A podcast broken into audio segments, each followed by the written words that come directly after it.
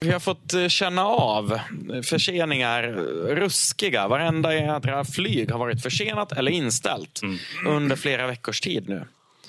Fullständigt havererat och det har gjort att man har varit ganska trött vissa dagar, kan jag säga.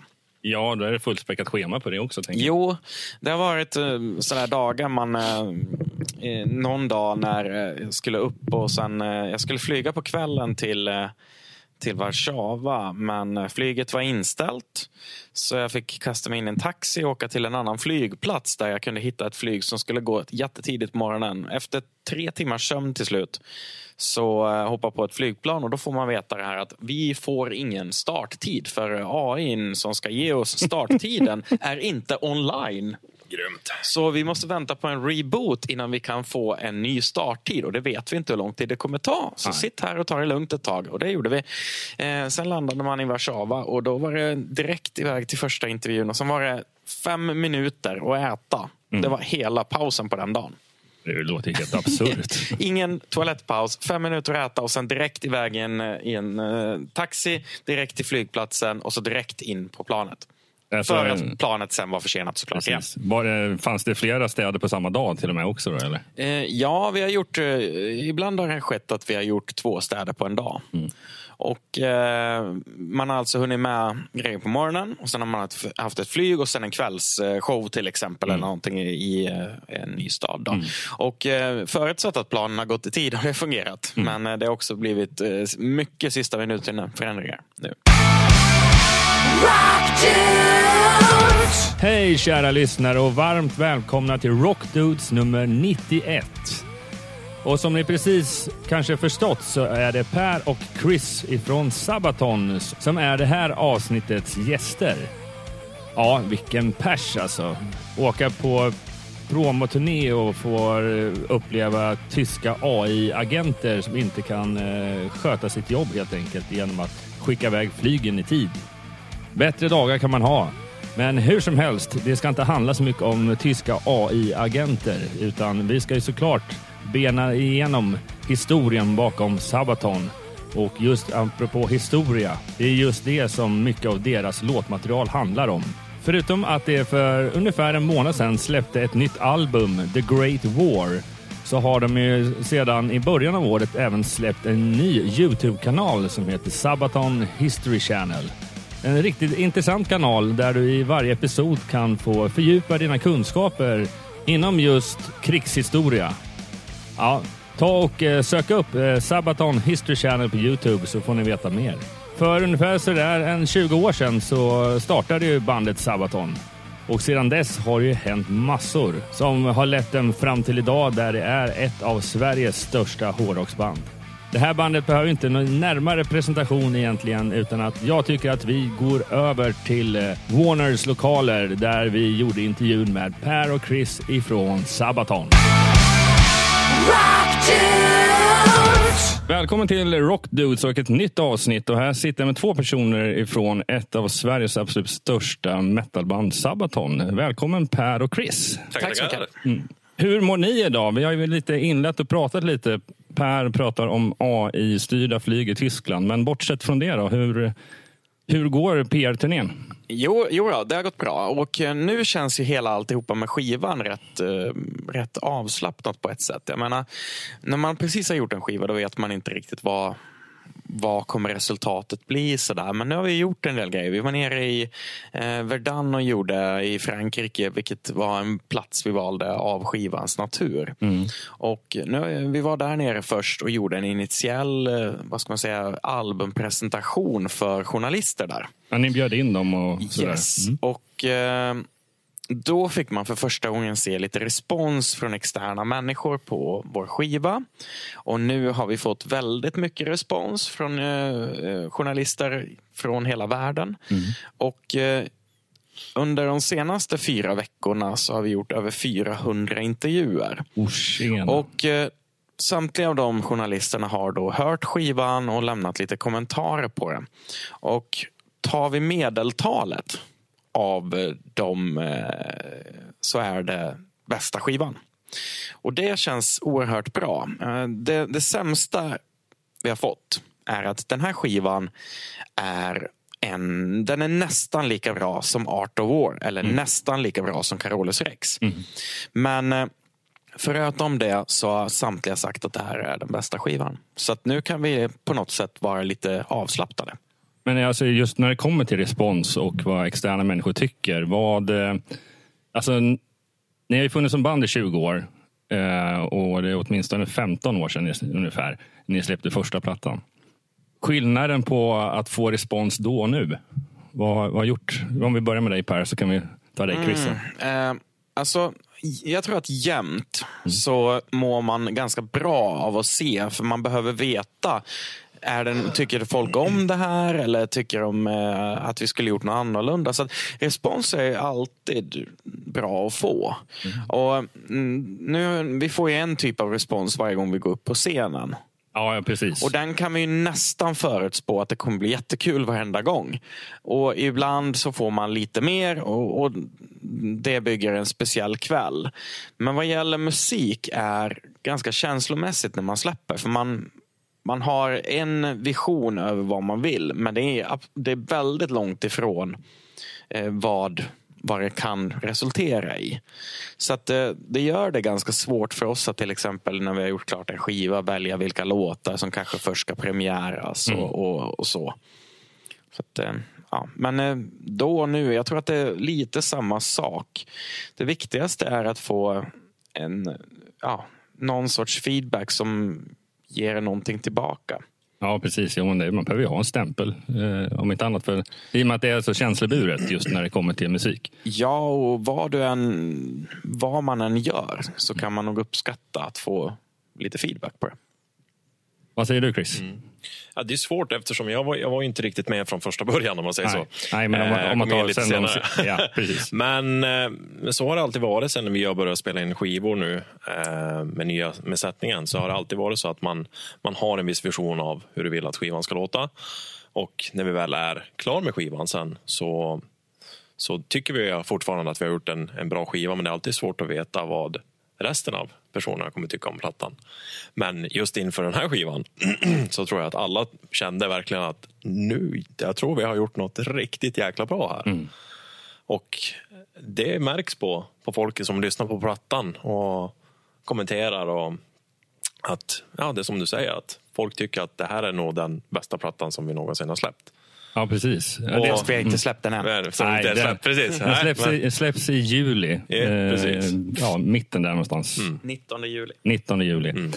Men det som också är lite kul att det är inte bara en sak eh, att ni släpper en ny platta. Utan eh, dels är det ju Ja, eh, eh, ni får rätta mig om jag har fel, men det är lite den första plattan som ni gör ett enda koncept av hela skivan med eh, att det ska handla om första världskriget. Ja, om, det, om man ser ett koncept på första världskriget. Men vi har ju tidigare gjort konceptskivor. Carolus Rex är väl eh, det största exemplet på det.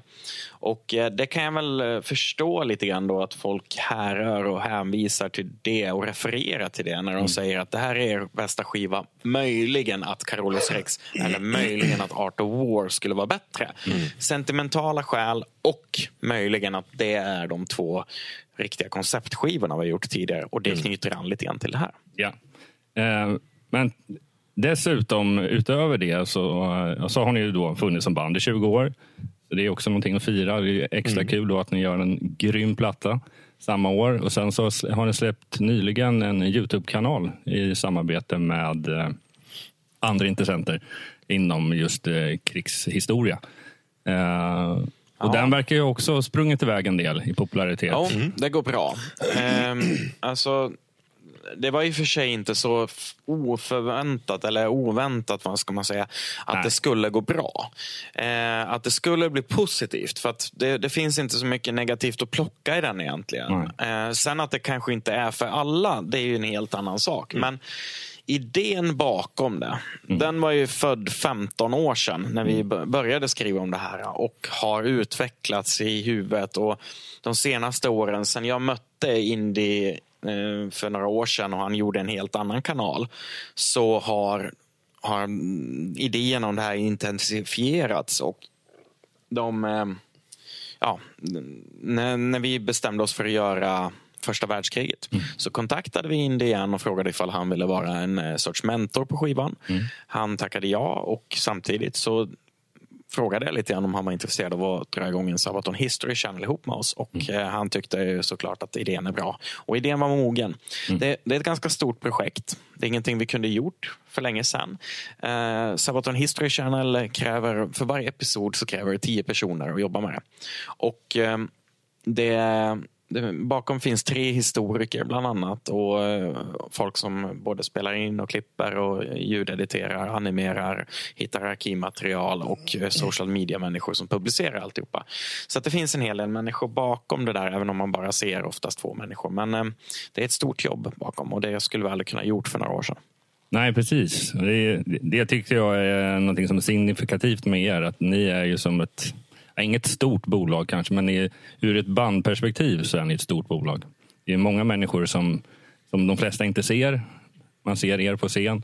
Mm. Och, och sådär liksom. Men eh, det är som ett jättestort företag och det är någonting som successivt har växt organiskt på något sätt. Utan att det är som du säger att saker och ting släpps när det, när det är rätt tid för det. Och mm. nu är det väl det med Youtube-kanalen bland annat. Ja, det ligger ju många projekt som vi jobbar med mm. Eh, och eh, många vi vill jobba med. Men eh, de får helt enkelt komma när tiden är mogen för dem mm. ibland. För att det går inte att dra igång hur många saker som helst samtidigt. Men nu valde vi just i det här skedet att fokusera på att nu tiden är mogen för att dra in den historiska ordern och mm. lyfta fram den lite mer.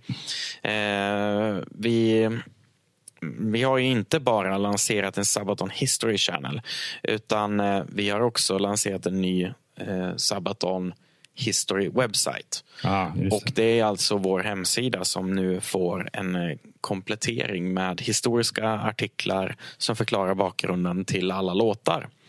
Eh, ett projekt som, kommer på, eh, som vi har hållit på med i cirka ett år och nu eh, lanseras i dagarna och sedan kommer att fyllas på och utvecklas under mm. kommande, ja, kommande år.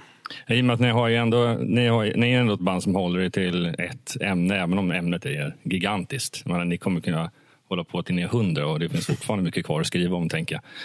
Eh, men alltså, när ni väl började med bandet så antar jag att du, jag har läst och hört dig prata mycket om det, om att det för 15-20 år sedan det var mycket svårare att hitta information. Och idag kanske det finns mer information, men allt finns inte. Och ni vill ju gärna bygga en story som helst någon har berättat. Ja, eh. visst är det så. Nu tillför ju vi någonting. Mm. Nu, nu, nu tar vi inte bara någonting, utan nu tillför vi också någonting. Till, ni regisserar fram det till, själv? Så att säga. Na, men till, eh, till världens historiearkiv, om man säger så.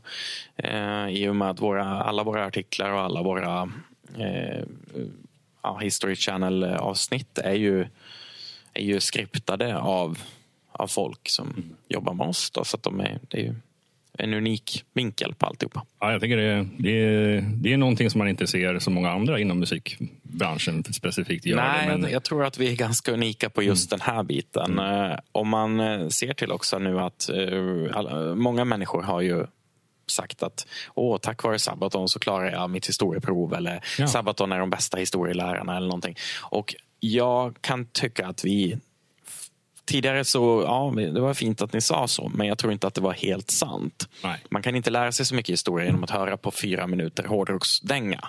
Man kanske kan få lite inspiration ja, och sen eh, leta sig vidare och, få och lära sig någon annanstans. Jo, det blir som en ingress i varje fall. Exakt, men idag, mm.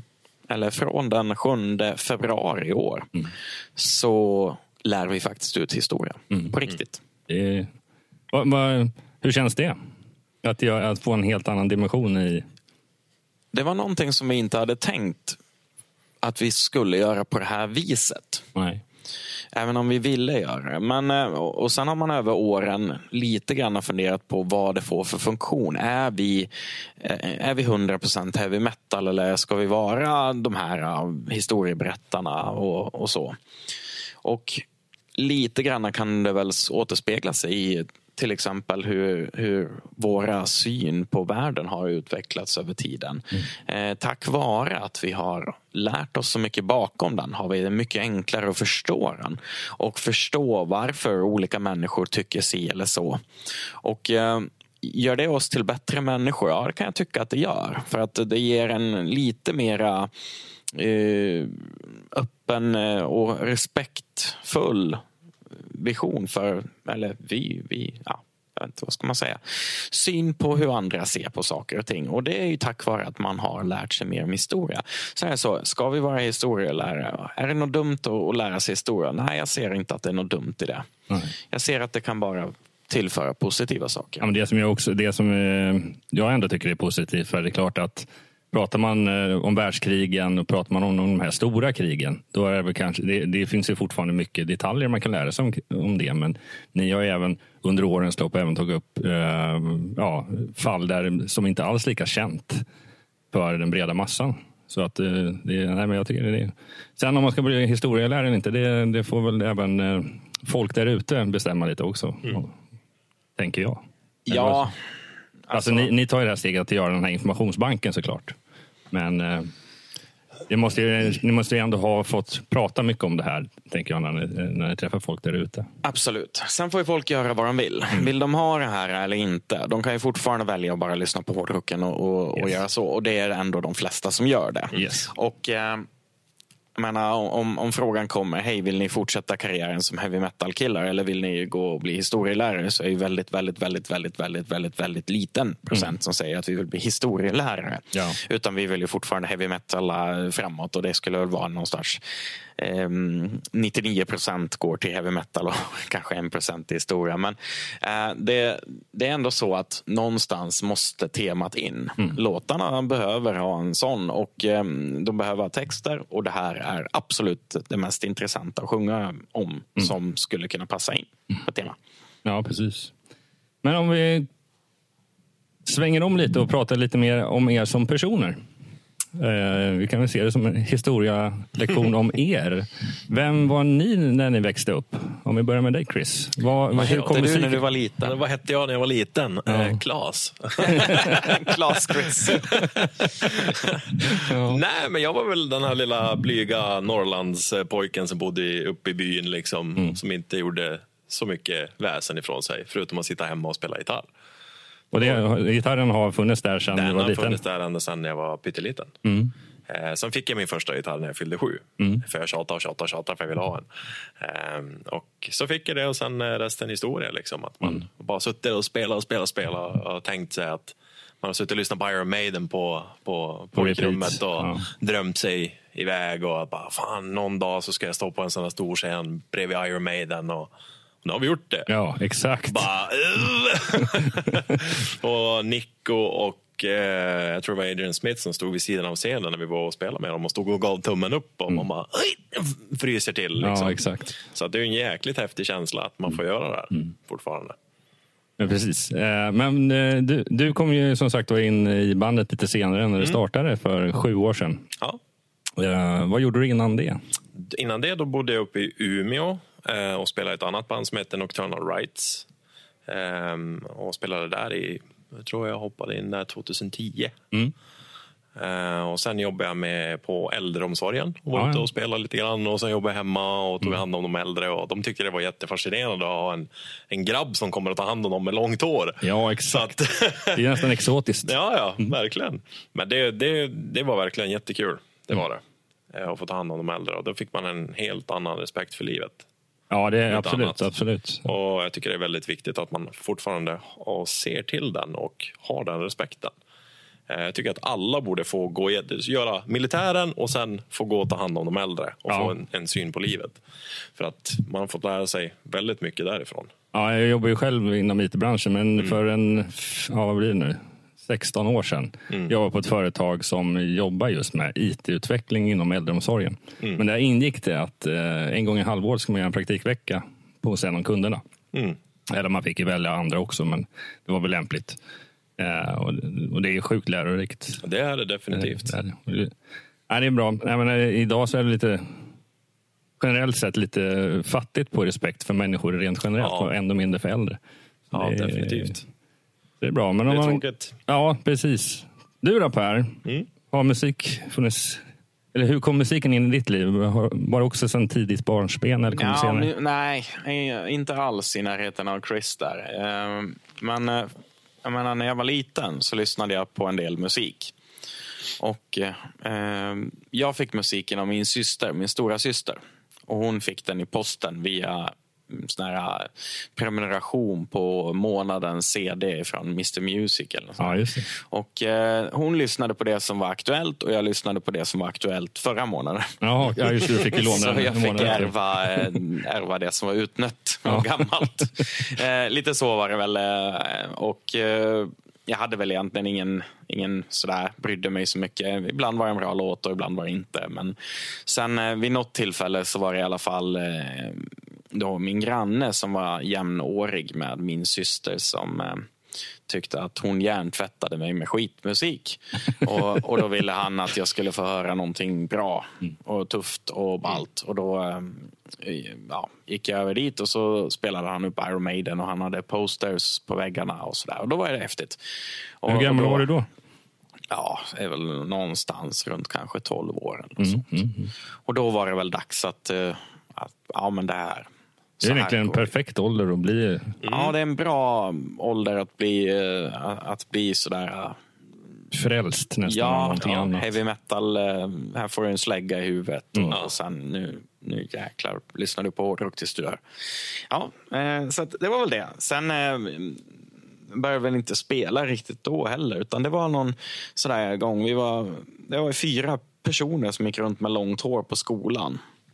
Och så var lite så här, ja men vi borde ju starta ett band här på skolan. Mm. Bara för att ni hade långt hår? Ja, bara för att vi hade långt hår och bara för att om man hade ett band så hade man en ursäkt att skippa lektioner ibland och Ah. få repa vid den tidpunkten. Det är helt otroligt, men eh, det gick ju faktiskt att göra så. Och, eh, eh, så att vi skapade ett metalband. Det hette Mercator och vi spelade covers på Iron Maiden och Metallica. Mhm. Så var det. Eh, Vilka var favoritlåtarna att spela? For Whom the Bell Tolls. Ja. Den går inte av för hacker. Nej, nej och den, det är ju lite alltså det är ganska kul att vi gjorde den som en cover med Sabaton många år senare. Mm. Just det. Men började du spela bas då? Eller? Ja, jag spelade bas. mm. så det är det instrumentet du har ja, varit ditt huvudinstrument så att säga? Yes. Yes. När någonstans, vad hände med det bandet och vad hände, eh, vad hände senare? Att det dröjde ett tag. Eh, Ja, alltså Mercator, vi, vi, vi var ju inte, vi var inte världskändisar precis. Eh, vi spelade på eh, skolan, vi spelade i skolaulan. Och eh, där vi, ja, det var ju roligt så såklart. Det var ganska ja, man fick improvisera och bygga någon sorts PA där inne och, och Ja. för att få det att låta tufft och ballt. Och scenen bestod av eh, matbord och ja, lite så här. Men det, det gick ju att spela så. Och, ehm, men, eh, och, och senare så flyttade vi, när vi slutade i högstadiet och fick inte vara kvar och repa där, så skaffade vi vår första replokal. Då. Och, ehm, då var vi inte så effektiva på att repa, utan då, var då drack vi öl och kastade äpplen på varandra en stor del av tiden. det är lite lustigt faktiskt. jag trodde du skulle säga kasta pil, men det var Nej, nej alltså vi, vi bråkade väldigt mycket internt. För det var så här, äh, Vi slets åt olika håll. Vi hade en eh, gitarrist som verkligen ville spela snabba, mm, snabba hårdrockssolon och vara en eh, sologitarrist. Och sen hade vi en annan gitarrist som inte ville spela gitarr utan han ville growla och sjunga så. Och vi, vi gjorde någon sorts hybrid där, där vi spelade Moonspell-covers till slut. Ja, Eh, för, att, eh, för att vi inte hamnade... Moonspell och Battery cover spelade vi. Ja. Och eh, ja, han fick väl eh, göra om solorna så att de var lite mer snabba och lite mer Yngwie Malmsteen-inspirerade kanske. det var lite spretigt kan man säga. Ja, det var lite spretigt. Eh, och eh, givetvis eh, någon dag så slutade det bandet finnas. Och eh, inte långt senare så började vi väl spåna på den idén som så småningom blev Sabaton. Vi hade ju lite, eh, det var lite olika konstellationer i början eh, innan vi, innan vi blev det som blev Sabaton. Då. Och eh, i, i början när vi repade, vi hade en trummis som eh, var med i några rep. Och sen sa han att jag, grabbar, jag måste sluta. Ja, nej. Jag hade fest hemma i helgen och eh, det kom 400 personer och slog sönder hela huset. Så vi har inga pengar och inget trumset och ingenting. Så att, eh, mina föräldrar är jättearga på mig så jag, Ja. får inget trum, de får, jag får inget nytt trumset. Eh, så att, eh, då var han ur. Men eh, då hittade vi en annan kille då, och han hette Rickard. Och eh, så småningom så introducerade han mig till Jocke Brodén. Som, då, som var meningen att han skulle vara en keyboardist i bandet. Ja, ja. Eftersom eh, det här började då bli en sorts... Det började bli helt okej med melodisk heavy metal igen. Det var inte ja, 95 och bara Döds och Black som gällde. Utan eh, nu var det 99 och då fanns Hammerfall. Och då kunde man helt plötsligt spela melodisk heavy metal igen.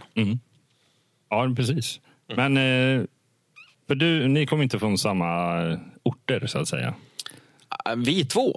ju- jag tänkte på dig Ja, Jocke. ja, Jocke, ja, fast det, det rör sig. Jag, menar, jag är från Krondiket, han är från Aspeboda. Vi kan ju cykla över. Så att det är ju inget... Ja, det var så pass. eh, det, är, det, är inte, ja, det är cirka en mil. Så att det, är- det är väl inget långt. Nej, kan jag tycka. nej. Men för oss. Men för oss två är det Då är det långt. bra. Ja, för du Chris, du kommer ju lite mer norr. Tjautjasjaure. Långt upp i Norrland. Var ligger det mer? Vad är, vad är närmsta, mer kända? Närmsta är Gällivare. Det är Gällivare. Gällivare. Och sen kör du lite Och, längre. och det är 100 mil till Gällivare. Ja. Ja, ja exakt. Sverige är så jäkla avlångt. Ja. Jajamän.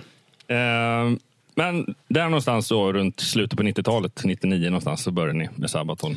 Eh, men här kan vi, alltså det finns ju så mycket att prata om era eh, start och utveckling och sådana saker. Men det, vad har... Ja, det är klart, de flesta banden åker ju alltid på lite eh, bumps in the road, så att säga. Eh, och, och, men Så även vi. så även ni. Eh, Vi, vi har haft några grejer. Menar, vi, har, mm, vi har haft våra duster med olika skivbolag. Och vår första skiva kom inte ut eh, Ja, exakt. Med, med en snygg anledning. Sådär, ja, men jag har tandvärk idag så vi skjuter på releasen lite grann. Eller posten strejkar i Italien så vi, vi får skjuta på releasen. Och sen Mm. slutligen, heavy metal är dött. Vi skiter i det här. Vi väntar tills det är hett igen. eh, och då var det lite så att man tröttnade på att lyssna.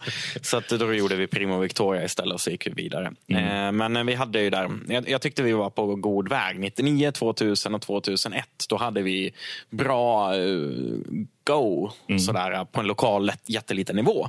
Men Men, men, ni hade- sen tog det ju stopp liksom, när man får det där, nu, det blir ingen skiva. Mm. Vi har spelat in den, eh, vi, har, vi har betalat för en inspelning och vi har en kontrakterad och den, vi vill ha ut den men den finns inte, eller den går inte att få ut. Då kändes det lite tråkigt. Men, eh, ja. men vi tuffade på och, och sen hade vi en ny grej och nytt bolag, fick ut Primo Victoria och, och sen började det tugga på igen och då fick man ny kraft och energi. Sen har det ju gått på, framåt då, mm, ganska länge och sen det är klart att man har haft några såna här, eh, vad ska man säga, det har hänt lite saker. Lite, hänt o- oerhört mycket. Jo, men... Eh, eh, och, och jag skulle kunna berätta om så många knäppa historier som vi har varit med om. eh, På, det kan ju vara en egen podd. Ja, nej, men, alltså det, vi, innan vi hittade Daniel Myhr som keyboardist hade vi ju världsrekord i, i konstiga människor som ville spela keyboard i bandet. Alltså. Eh, den ena eh, då med, med ambitionen att han inte skulle spela keyboard utan han skulle bli leadgitarrist och sparka alla andra i bandet. Det var också en bra var eh, ödmjuk inställning till att joina ett band som keyboardist. Eh, en annan hade Och sa, aldrig... sa denna det i ett nyktert tillstånd? Eller? Ja, Det var ännu mer fantastiskt. Sen, sen finns det alltså, någon som var med och, och tittade på ett tag. Jaha. Och innan det visade sig att den personen hade absolut ingen kunskap om att spela keyboard överhuvudtaget. Eh, och sen eh, hade vi lite andra människor som dök upp som var väldigt spännande. Men eh, till slut så lyckades vi få ihop en line-up och den höll ju ganska länge. Den höll ju ända Absolut. fram till 2012. Så att med tillägget av keyboardisten så var vi ändå original-line-upen i 13 år. Ja, och menar hur många gigs han... Jag menar just det där att ni har ju alltid turnerat väldigt intensivt. Ja, Sen, det, sen tåget började gå. Men eh, där, eh, där var det väl en stor bump då och eh, vi, vi stod med olika visioner av hur hårt vi vill jobba för bandet. Och Det är ju naturligt att vissa kanske inte vill jobba lika mycket efter 13 år. Att de tycker att Nej, men jag har en annan idé jag vill göra med mitt liv. Och, och Jag tyckte att ja, men jag vill ta det här hela vägen.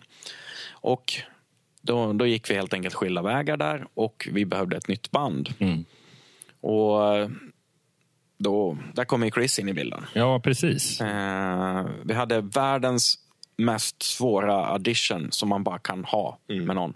Ja, Chris var tvungen att, att lära sig 2000 låtar i 700 bpm. På Två en timmar. dag. På två timmar. på två timmar. Nej, det, det var sådär, eh, alltså, vi hade ju sett eh, videos av Chris och hört vad han kan och det var sådär, eh, alltså den här killen, ja, Ville ni lite eh, sätta en hårdare utmaning på en sån person om ni redan har fattat Nej, vi behövde ju faktiskt inte Nej. någon utmaning alls. Det var ju bara ett skämt från min sida. Utan det var så här, vi visste att Chris var så vansinnigt duktig så vi behöver ingen audition.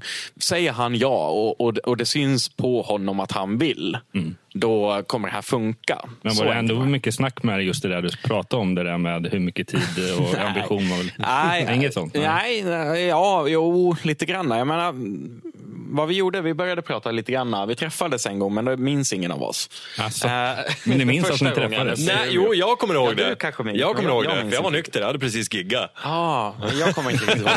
Men, eh, men i alla fall så, eh, så... För jag var ju upp till Umeå där och, skulle, ju- och då träffades vi, men det gick... eh, Ja, vi fick inte fram, eller jag fick inte fram det jag ville säga.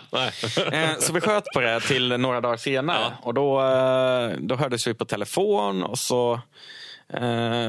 Ja, jag frågade väl om du kunde komma ner till Stockholm och träffa mig och Jocke. Då. Mm.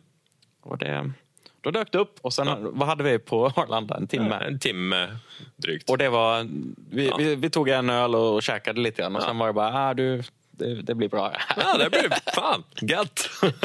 Men hur funkar det? Signar man några några papper eller är det bara en, en Ja, det handshake? bara så här, som- du vet, kniv i handen, sprätta ner lite blod, så här, skaka hand. sen liksom. så, så, ja. Nej, alltså det, det, det var ju en... eh, Det, det var ganska, ganska enkel... eh, Det kändes så himla rätt då. Och, och, och sen var det liksom bara, ja, nu, nu måste vi bara komma överens om hur det här funkar och när, när vi ska ut på turné och eh, när, kan du, när, när kan du börja repa. Det var ju ganska enkelt, allting var ju väldigt enkelt. Ja, Så hade ju väldigt bra jobb och bra vad heter, chef. Så jag sa det bara, det här händer. Liksom. Hon bara, absolut, kör. Så att, Precis. Men för att i och med det som hände 2012 så, har det lite, så är det lite så i alla fall då och fram till nu att det är du Per och Jocke som är lite Sabaton, alltså grundkärnan i det. Ja, och det är ju är lite ofrånkomligt. Men jag tänkte bara, om man snackar lite roller. Menar, det, det var ju ganska mycket så innan också Ja, på ett sätt. absolut. Eftersom det var, ju, det var det vi kände att vi, vi måste ändå ställa oss frågan. Om vi tappar fyra originalmedlemmar, klarar vi av det här ändå? Mm. Vilka, och, så får man titta lite grann. Vad, vilka delar tappar vi? Och vad, vad har vi kvar? Och då visste vi ju att vi hade låtskriveriet och vi hade frontpersonen. fanns ju. Och eh, jag har ju varit den som har drivit det här hela tiden. Ja, precis. Så då, då förstod vi att vi kommer fortfarande kunna göra det, men, men vi behöver ett riktigt bra band. Så att... Eh, men hade, ni hade ju visionen klar för er. ja, ja, men visionen fanns ju någonstans jättetidigt egentligen. Eller drömmen, och, vad man nu ska säga. Men om man, om man bara tar en liten avstickare där. Om man, ni, verkar som att ni har en stark vision redan från tidigt eh, i bandet. Vad ni egentligen ville med vad, ni- vad ni vill uppnå. Alltså, om man räknar på en skala från 0 till 100 procent. Hur långt mot slutmålet har ni kommit idag, 2019? Det kan man nog inte riktigt säga på det viset heller. För att 100 Nej, jag tänkte mer- procent kommer ju alltid öka. Ja, jo, jo, jo. jo. Ehm, i, I och med att... Alltså, Men ifrån grundvisionen för ni- eh, 20 år sedan. ja, vi, vi har ju nått väldigt många av våra delmål. Mm. Man sätter delmål eh, under tiden sådär. Man, och, och de är ganska ödmjuka till en början även om man har en stor dröm. Mm. Men eh, för, för när man börjar då, när vi började så hade vi ändå stora ambitioner. Vi sa ju till folk att vi ska bli störst och ja, det var ju så. Eh, och, och, det går inte hem så mycket och folk tycker ju att du, ni är dumma i huvudet och hur kan ni tro att ni ska bli mm. störst och mm. sådär. Och speciellt sen, ja, ska ni sjunga om krig och spela någon sorts power metal och tro att ni ska bli störst i världen? Ja, jo men det tror vi. Och, och vi lär ju hur som helst tro på det. Man måste ha den visionen. Det finns tre steg man måste titta på om, om man ser världen som en, eh, som en väg uppför. Man mm. måste se vart man står, man måste se vart nästa steg är och så måste man se vart toppen är. Mm. Och toppen den, den kommer ju alltid beroende på vad man gör. då. Mm.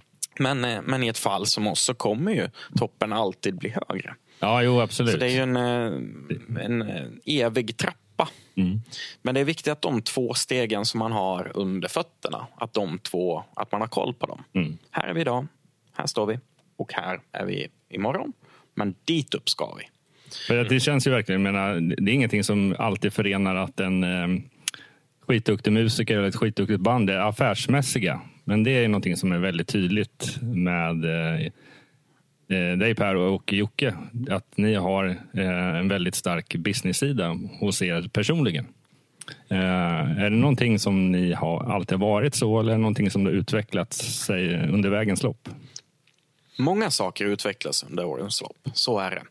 Och eh, menar, man, man, måste ändå se det så här att man har tagit på sig en ganska ordentlig utbildning i många, i många områden som det vi är idag. Eh, det är ungefär 15 år sedan som jag började jobba heltid med bandet. Och Då mm. kallar inte jag heltid att man jobbar åtta timmar fem dagar i veckan. Nej. Utan det är all tid som man inte sover. Mm. Mm. Och när man har gjort det i 15 år och så dubblar du arbetstiden. Det är ju som att jag har på något sätt ägnat över 30 år i musikbranschen idag. Mm. Ja. Eh, och, och, ta det, eller ännu mer, eftersom jag har inte haft ett enda semester i hela mitt liv. Mm. Jag har inte haft en ledig dag praktiskt taget. Så ta det till någonstans där att, att jag, jag, jag, här är jag någonstans strax under 40. Mm. Men, eh, men eh, utbildningsnivån om man Du kan gå i pension det. egentligen nu rent ja, tidsmässigt. Ja, jag skulle ja. väl nästan kunna göra det. Men, eh, och, det är ju för att vi har inte haft något externt management. Utan vi har ju fått sköta allting själva och vi har tyckt det, att det har varit en bra grej. Då känns allting väldigt, väldigt, väldigt givande. Ja, plus att det är kortare vägar också någonstans. Men är, man ska ju mäkta med det. Det är inte, det är, det är inte varje... Det är, det är, inte alla människor som vill ha det så här. Eh, så är det. Och eh, väldigt få människor inom musikbranschen vill ha det så. Det är därför det finns, eh, det finns väldigt många artister som eh, så fort de har fått upp eh, och, och lärt sig spela lite grann så vill de ha en manager. För de vill inte ha med andra att göra. Och det är ju väldigt, väldigt många vi träffar som säger att jag vill inte veta av någonting annat, jag vill bara göra mina låtar. Och, och och det, det har blivit som en sån eh, lite, vad ska man säga? Vedertagen sanning någonstans, att det är så ja, det ska vara? Ja, det är lite så det ska vara. Det är lite fint att artisterna absolut inte har någon koll och inte bryr sig om någonting, utan de ska bara vara artister och, mm. och allt annat ska de bara skita i. Då. Men eh, nu är, det, nu är det inte 1992 något mer, utan Nej. nu är det 2019. Och då måste man bry sig, för det finns inte möjlighet att klara sig inom musikbranschen ifall man inte har koll. Nej, Nej men det håller jag med om. För sen eh, har ju många, ja, starkt sagt, mage att klaga väldigt mycket på att de blir överkörda eller ja. runtkörda på allt möjligt konstigt. Liksom. Men, men eh, om man då tar sig den här tiden och har koll, då har det väl mycket enklare att eh, inte välja och vraka, men se till att göra det som är viktigt för en själv åtminstone. Ja, alltså nu är det så att man kan inte, allt kan man inte påverka. Men eh, det, om man har, har, en insyn i alla fall så förstår man mer vad, eh, varför saker och ting fungerar som de gör. Och eh, det kan jag tycka är ganska värdefull kunskap. Men om, om man bara ja, försöker generalisera en arbetsdag för Per Sundström i Sabaton. Eh, hur, när du vaknar på morgonen, vad är, vad är det, det första du gör då? Ja, det finns två arbetsdagar. Den ena är ute på turné ja. och den andra är den hemma. Är jag ute på turné så är det första jag gör är att jag vaknar oftast utvilad eftersom jag får, det blir mer sova ute på turné. Eh, och då tittar jag på min telefon och så hänger jag och, och ligger och, och har det ganska gött i sängen och läser mejl i två timmar kanske och kollar vad som har hänt. Oftast på andra sidan jordklotet, för de har varit vaken medan jag har sovit.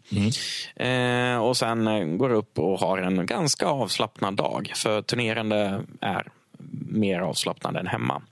Eh, vi brukar ses till soundcheck och sen, eh, sen så är det lite mat och sen kanske lite intervjuer och sen ett grymt gig. Och, och det, det är inte så jättepåfrestande. Men däremot när man, gör, eh, när man är hemma då, så vakna upp eh, och iväg till kontoret.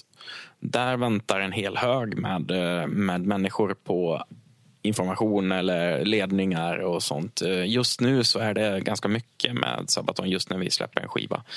Och eh, vi har en ganska stor organisation som eh, behöver lite ledning och styrning. Så ofta så rör det sig om kanske 50 personer som sitter och väntar på att eh, de ska få riktlinjer vad de ska göra under dagen. Precis, och det händer ju oavsett om du är hemma eller på tu- turné. Ja, fast när vi är på turné då är mycket av jobbet har redan skett. ja, just det. För då har vi redan satt igång det. Eh, Det går... Jo, men ni har ju olika tåget- turnéer tänker jag. Ja, ja, absolut. Men tåget har tufflat igång. Just nu, där vi är just nu här idag, så är vi som absolut mest under press. Eh, Vår organisation är inte riktigt byggd för att hantera eh, vad ska man säga, skivsläppen, intensiviteten just Ja, då. just det. Men eh, ge det här till två månader så är alla okej. Men just nu går alla på överkapacitet. Mm, precis. Men det, är, precis. Men det händer ju inte lika ofta som när man är ute på turnéer. Nej, nej, precis. Och turnéerna har vi inget problem. De klarar vi av. Ja, För den, eh, den turnerande verksamheten den, har ju, den pågår ju nästan året om. Och den har ju den, de resurser som krävs för att få den att fungera och rulla runt. Och är det en eh, sektion i Sabaton som har eh, överlevt åren? är det mycket folk som kommer och går? Eller, ha, eller har ni ens anställda så att säga? Eller, Ja, jo, vi, vi har det. Och eh, många av våra, vi, vi kallar det för core crew, de har ju lön året om eh, för att finnas där tillgängliga när vi behöver dem.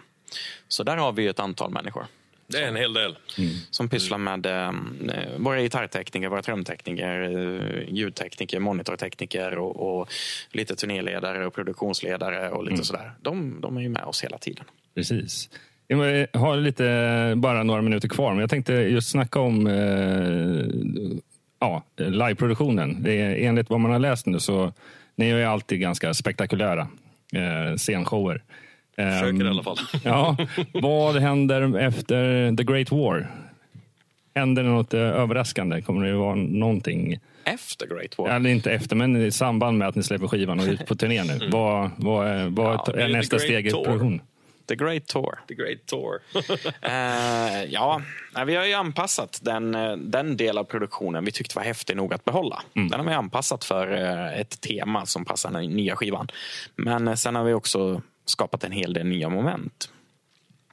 Coolt. Ja, det ska bli spännande att se. Eh, Det är en festivalsommar nu, eh, det närmsta. Eh, Vad, vad är bäst? Festival, festivalturnéerna, eller vad har festivalturnéerna som fördelar jämfört med vanliga turnéer och tvärtom? Ja du, man får träffa mycket av sina gamla vänner Mm. när man åker ut på festivalerna. Det är väl det.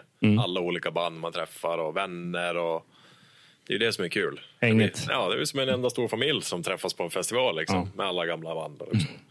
Det är jättekul. Är det någon speciell festival i sommar som ni ser fram emot med, eh, med lite Ja, extra? Vacken Open Air kanske. backen. Och det är headli- headliner i Ja. en av dagarna. Mm. Det, det kommer ju vara en höjdpunkt såklart. Eh, Det är en sorts bilstolpe också. Ja, det är riktigt häftigt. Det är 75 000 människor som är på den festivalen, så det blir nog hur häftigt som helst. Men ehm, om jag skulle träffa er om fem år, hur många av de här stegen på trappan tror du att ni har tagit ytterligare? Jag tror att vi har tagit eh, två eller tre steg Två eller tre steg? Och det är det som är målet? med eh, den kommande tiden, ja. Mm. Eh, sen hu- hur stora de stegen är, eh, eller, eller vart de, vad det påverkar. Men det, det finns lite sådär planer. Vad, vad vill vi åstadkomma? De, om man säger fem år är en det är väl en rimlig tid att tänka att vi har släppt två plattor till då kanske. Mm.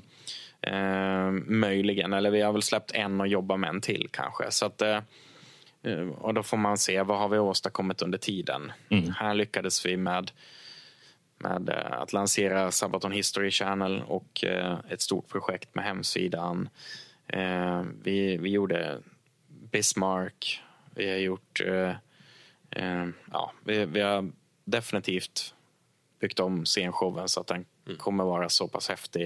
Vi har tagit flera steg och eh, vi har mm, och fram tills nästa, då har vi säkerställt vår, vår mm, va- vart vi står. Och jag tror att vi har stärkt våra positioner över hela världen. Dessutom har vi nog spelat på ställen som vi inte har gjort tidigare. The Great Tour bör och ska ta oss till nya platser. Det låter hur bra som helst. Eh, Får tacka er så jättemycket. Det var eh, väldigt Tack så mycket. intressant. Tack så mycket! Tack kära lyssnare för att du har lyssnat på Rock Dudes 91 där Per och Chris från Sabaton eh, gästade oss denna gång.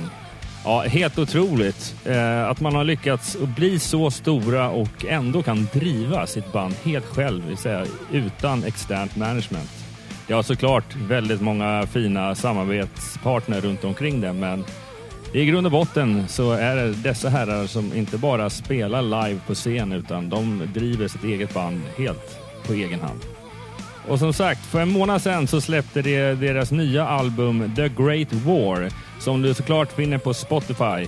Eller så kan du gå in på din närmaste skivbutik och köpa deras album. Och som jag sa inledningsvis, missa inte att gå in och kolla på deras nya Youtube-kanal Sabaton History Channel. Riktigt intressant. Just i samband med att vi släpper avsnittet så drar ju även det årliga Sabaton Open Air som går av stapeln eh, på Lugnet Stadium i Falun. Det vill säga Sabatons egna hemvist. En riktigt häftig festival som går över fyra dagar med en massa olika band och såklart den stora höjdpunkten för de flesta blir ju när Sabaton smäller av sin egna show. Eftersom att festivalen byggs mycket på bandet själv så har det dragit in fans från alla världens hörn. Riktigt häftigt.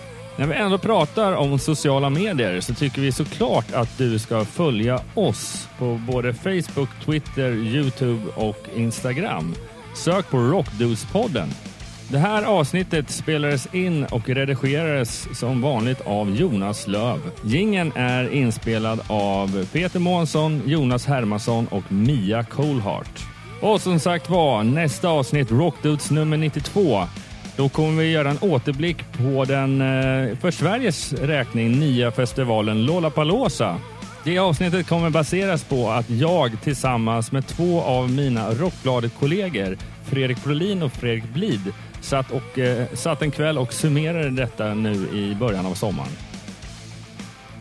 Det blev rätt intressant. Vi pratar ju såklart mest om själva Lollapalooza-festivalen, men vi pratar också lite generellt festivalsnack också. Och detta avsnitt kommer redan inom bara några dagar, så fram tills dess, rock on! Rock